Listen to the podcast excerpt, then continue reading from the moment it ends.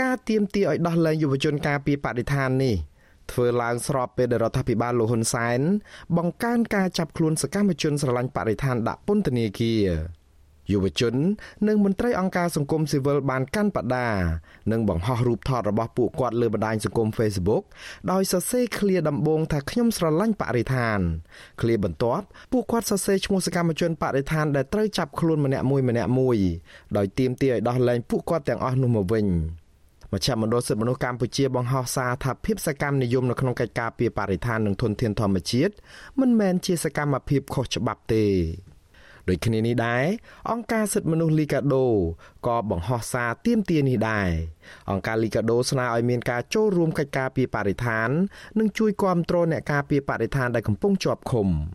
អ្នកសម្របសម្រួលគម្រោងតស៊ូមតិនឹងចងក្រងនៃសមាគមបណ្ដាញយុវជនកម្ពុជា CYN លោកម៉ៅច័ន្ទតារាសរសេរលើ Facebook របស់លោកទាមទារទៅតុលាការឲ្យទម្លាក់ការចាប់ប្រកាន់ចំពោះសកម្មជនទាំងអស់ដែលពួកគាត់បានចំណាយសាច់ស្រស់ឈាមស្រស់បូជានិងពលីដើម្បីដែនដីសវណ្ណភូមិមួយនេះយុវជនរូបនេះឲ្យវិទ្យុអាស៊ីសេរីដឹងថាការបំពេញការងាររបស់យុវជន ពិតជាមានតម្លៃនិងជាការបំពេញភាពចន្លោះប្រហោងរបស់អាជ្ញាធរមូលដ្ឋាននៅក្នុងកិច្ចការពីបរិស្ថានលោករំពឹងថារដ្ឋាភិបាលឬតុលាការគួរសម្រេចចិត្តឡើងវិញដោយទម្លាក់ចោលរាល់ការចោទប្រកាន់លើយុវជនទាំងនេះ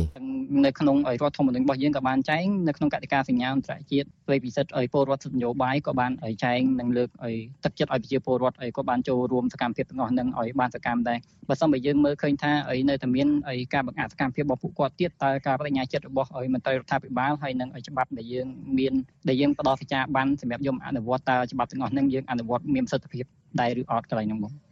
ជុំវិញការទៀមទានេះវិទ្យុអាស៊ីសេរីមិនទាន់អាចសុំការបំភ្លឺពីប្រធានតុលាការក្រុងភ្នំពេញលោកតាំងសុនឡាយបានទេដោយទូរស័ព្ទចូលគ្មានអ្នកទទួលនៅថ្ងៃទី28ខែមិថុនាចំណែកឯអ្នកនាំពាក្យគណៈបកប្រជាជនកម្ពុជាលោកសុកអេសានឯណោះវិញ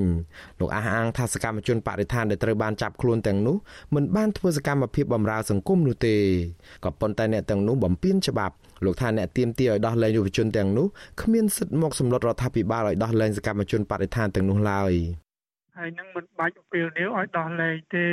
ហើយមិនដឹងមានសិទ្ធិអំណាចអីបខំរាជរដ្ឋាភិបាលថាទៅថាដោះលែងជាបន្តអត់លក្ខខណ្ឌនោះវាអត់ប្រយោជន៍ទេអាហ្នឹងគឺថាមានប្រយោជន៍ត្រង់ថាអប់រំយុវជនកុំឲ្យធ្វើរបៀបគេហៅថាទំនើងតាមអំពើចិត្តអាហ្នឹងតែធ្វើទំនើងតាមអំពើចិត្តហើយវាចូលរឿងគេចាត់វិធានការផ្លូវច្បាប់ហើយ សមាជិករដ្ឋាភិបាលលោកហ៊ុនសែនបានបង្កើនការចាប់ខ្លួនអ្នកធ្វើការងារបរិស្ថានជាបន្តបន្ទាប់ហើយសកម្មជនបរិស្ថានចុងក្រោយគេដែលត្រូវបានចាប់ខ្លួនដាក់ពន្ធនាគារនោះគឺសមាជិកនៃចលនាមេដាធម្មជាតិ3រូបមានកញ្ញាសុនរដ្ឋាលោកយឹមលៀងហ៊ីនិងយុវជនលីចន្ទរាវុធ